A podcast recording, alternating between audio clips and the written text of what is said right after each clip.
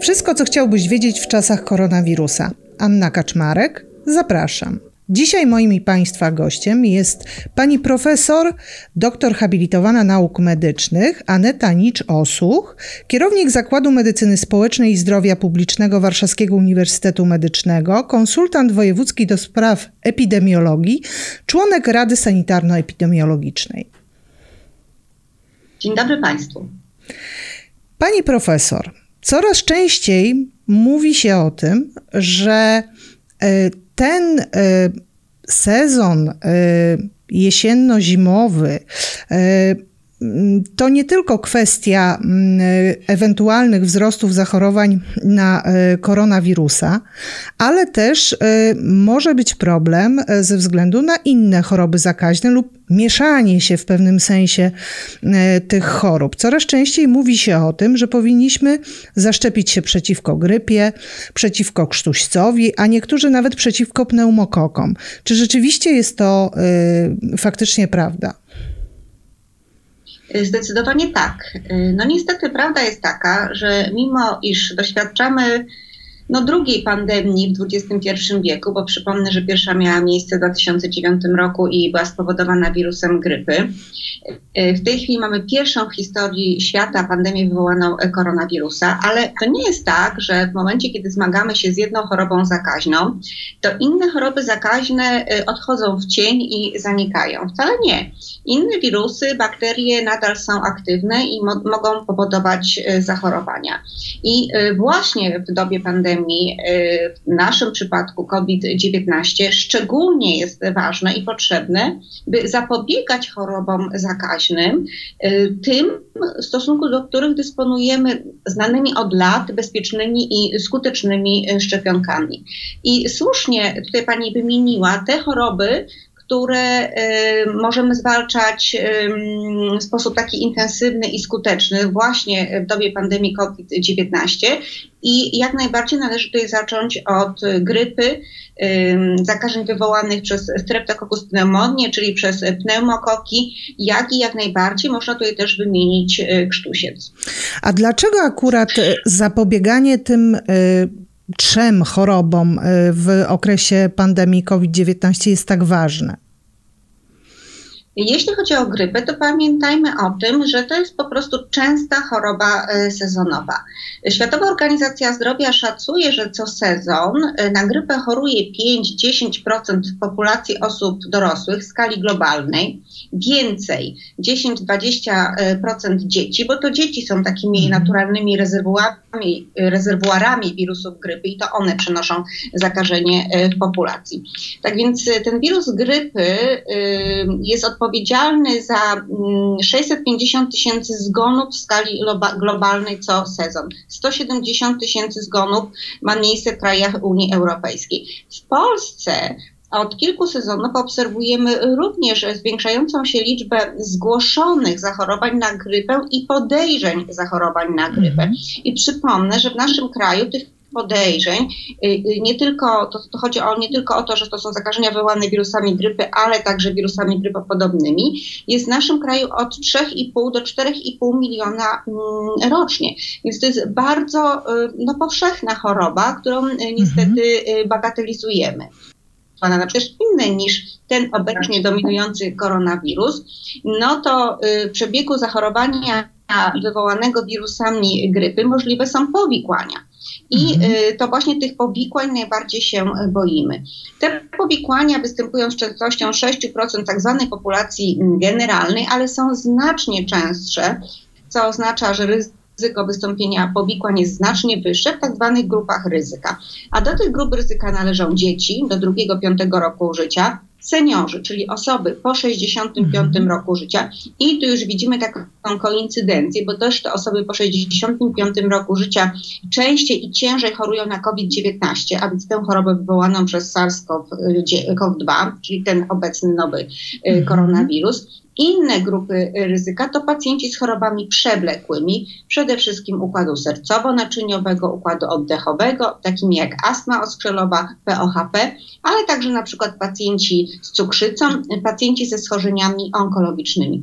Także ci pacjenci z grupy ryzyka z chorobami przewlekłymi to jest dokładnie ta sama sama grupa ryzyka ciężkiego i prze, powikłanego mhm. przebiegu grypy, jaką obserwujemy właśnie również w przypadku y, zachorowań wywołanych przez nowego y, koronawirusa.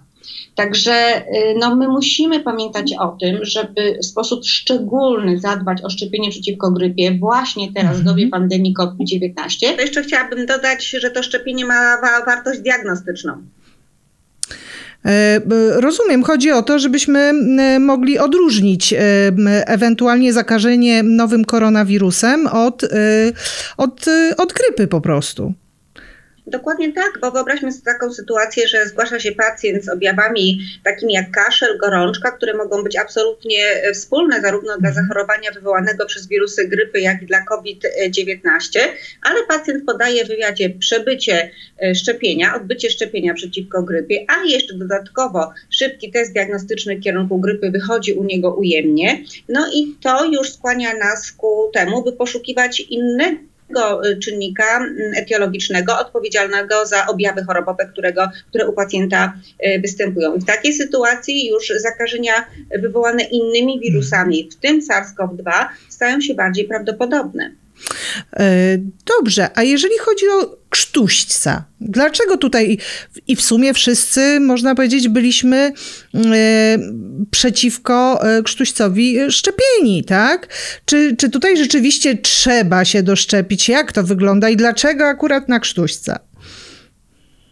Y, tak, byliśmy, przynajmniej zdecydowana większość z nas, osób dorosłych, szczepiona przeciwko krztuścowi w dzieciństwie, no ale niestety to nie jest tak, że odporność poszczepienna utrzymuje się tak, jakbyśmy sobie tego życzyli przez całe życie. Mhm. Wręcz przeciwnie, no niestety ona wygasa.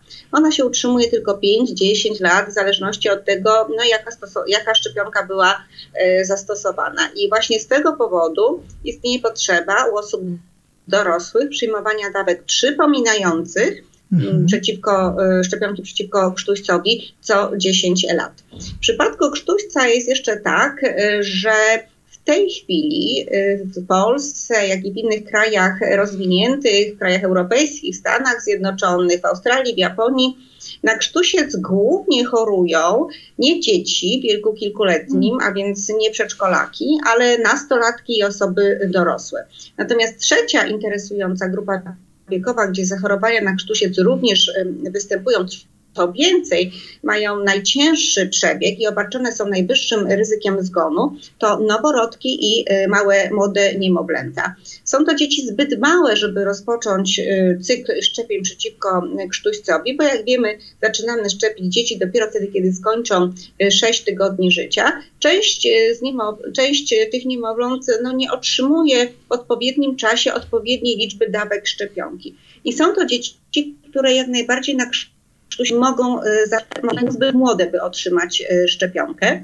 I tutaj zalecane są dwie strategie e, w tej chwili. Tak zwana strategia kokonowa, e, szczepień przeciwko krztuścowi, która polega na tym, mhm. że skoro nie możemy zaszczepić dziecka, bo jest zbyt młode, to, by mogło mieć podane szczepienie, to powinniśmy szczepić osoby z najbliższego otoczenia takiego mhm. pacjenta. W naszym przypadku jest to noworodek bądź młode niemowlę, po to, żeby zminimalizować ryzyko transmisji patogenu chorobotwórczego, pałeczki krztuśca w otoczeniu dziecka.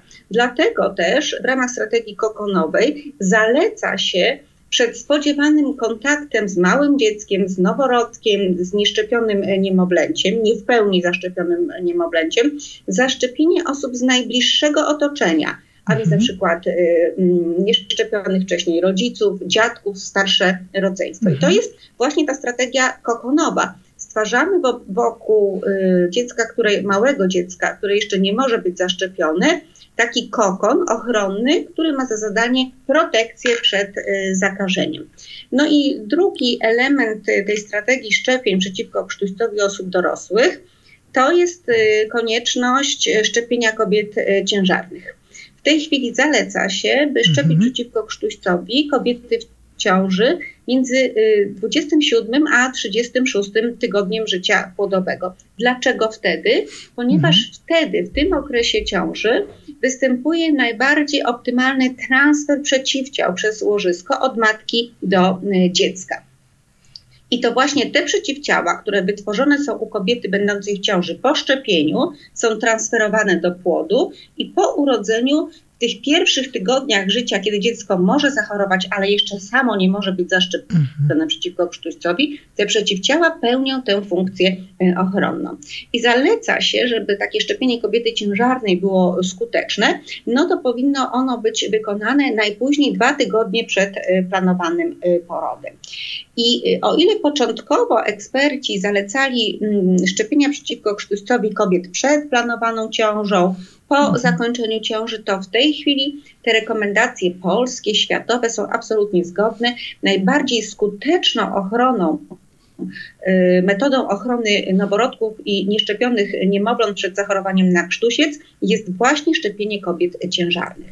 Zaobserwowano bowiem, że nawet jeżeli dziecko matki szczepionej w czasie ciąży przeciwko krztuścowi zachoruje na krztusiec, to to zachorowanie ma miejsce później, a więc dziecko jest bardziej dojrzałe, mhm. ma bardziej dojrzałe mechanizmy immunologiczne, by się ochronić, by zwalczyć infekcję.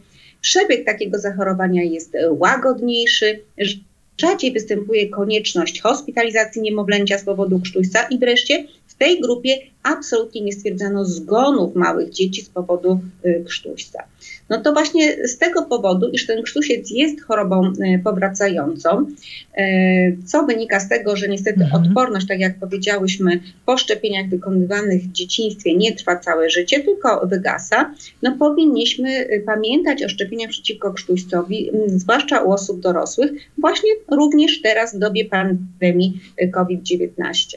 Dobrze, a y, pani profesor, co z tymi pneumokokami? Bo my tak naprawdę znamy pneumokoki, jako, e, jako e, takie coś groźnego, tak, jeśli chodzi o dzieci. Natomiast raczej nie mówi się o szczepieniu przeciwko pneumokokom w kwestii dorosłych. Natomiast z tego co wiem, to pneumokoki potrafią zrobić sporą krzywdę na przykład seniorom.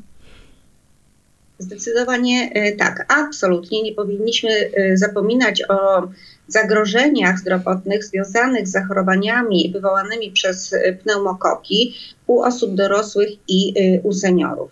Ponieważ istnieją dwie grupy wiekowe, mhm. gdzie te y, zakażenia wywołane przez pneumokoki są najczęstsze, a także mogą mieć najcięższy przebieg. I to są skrajne grupy wiekowe, tak jak na przykład przebiegu grypy. A więc dzieci do drugiego roku życia, no i znowu ci seniorzy po 65 roku życia. I y, tak naprawdę ta y, zarówno zapadalność, a więc liczba przypadków zakażeń wywoływanych przez y, pneumokoki, zwłaszcza tych, które kończą się tragicznie, a więc mhm. występują ciężkie, zagrażające życiu powikłania, y, ale także istnieje wysokie ryzyko zgonu, ma to miejsce właśnie przede wszystkim u seniorów po 65 roku życia. No wystarczy powiedzieć, że jedną z chorób, które mogą wywołać pneumokoki, jest tak zwane pneumokokowe zapalenie płuc. I wśród osób dorosłych szacuje się, że jedna z 20 osób y, dorosłych, seniorów chorujących na pneumokokowe zapalenie płuc, niestety obarczona jest ryzykiem y, zgonu. Także ta śmiertelność przebiegu zakażeń pneumokokowych, nie tylko u dzieci, ale także, a może wręcz przede wszystkim u seniorów, jest po prostu najwyższa. Pamiętajmy też o tym, że no, kiedy przybywa nam lat, mhm. nie chcę powiedzieć, że się starzejemy, ale kiedy przybywa nam lat, no to też jest, zwiększa się szansa, że wystąpi u nas no, przynajmniej jedna z chorób przewlekłych. A mhm. ryzyko zachorowania na zakażenia inwazyjne pneumokokowe, czyli na przykład pneumokokowe zapalenie płuc z bakteriemią, bez bakteriemi, rośnie od 3 do 7-8 razy wtedy, kiedy cierpimy na schorzenia przewlekłe, takie jak na przykład cukrzyca, schorzenia układu sercowo-naczyniowego, przewlekłe choroby układu oddechowego, astma, PO OHP, kiedy jesteśmy obarczeni na przykład schorzeniami przewlekłymi wątroby, wątroby niedoborami odporności, czy też na przykład spożywamy no, nieco za dużo alkoholu. To wszystko sprzyja temu, że ten to ryzyko zachorowania na zakażenia wywołane przez pneumokoki rośnie, a tym samym rośnie ryzyko powikłań i zgonu. E, jak się leczy takie zakażenia pneumokokowe, pani profesor? No, e, zakażenia pneumokokowe no, wymagają przede wszystkim y, bardzo wielu odsetków przypadków hospitalizacji. W Polsce szacuje się, że wśród seniorów no jedną z głównych przyczyn hospitalizacji to są zakażenia dolnych dróg oddechowych, a więc mhm. zapalenia płuc. Blisko 50% hospitalizacji osób w wieku podeszłym to są infekcje i właśnie zapalenia płuc. I y, w bardzo wysokim odsetku udaje się określić przyczynę, czyli czynnik etiologiczny wywołujący zapalenie płuc i aż w 35% okazuje się, że tą przyczyną zapalenia płuc u osoby dorosłej, u, u seniora jest właśnie y, pneumokok.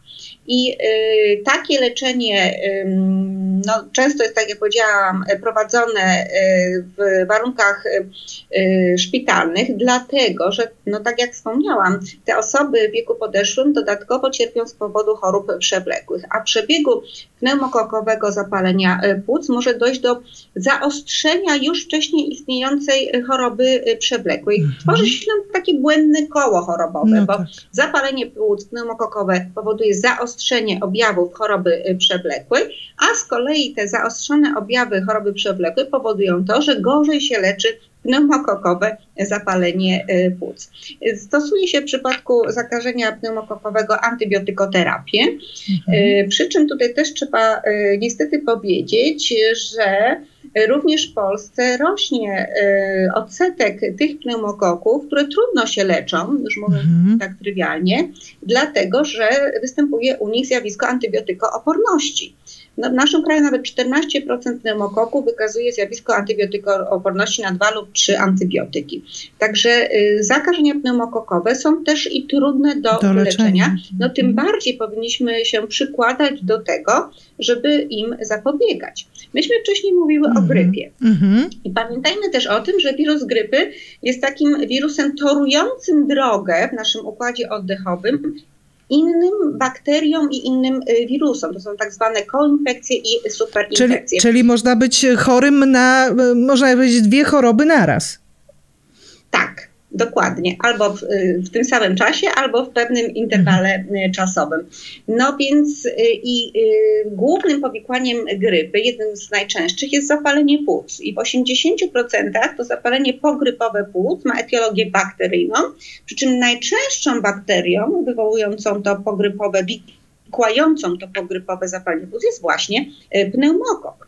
Dalej, y, ponieważ no, doświadczamy teraz y, pandemii COVID-19, to też trzeba powiedzieć, że mm, teraz w piśmiennictwie, w literaturze naukowej mamy coraz więcej na przykład z wirusami grypy, czy też z bakteriami. I tutaj bardzo często się zdarza tak, że występuje jednoczesne zakażenie zarówno mm, wirusem SARS-CoV-2, jak i właśnie pneumokokiem. Co, co na ten temat mówią um, specjaliści? Jak się przed tym wszystkim uchronić?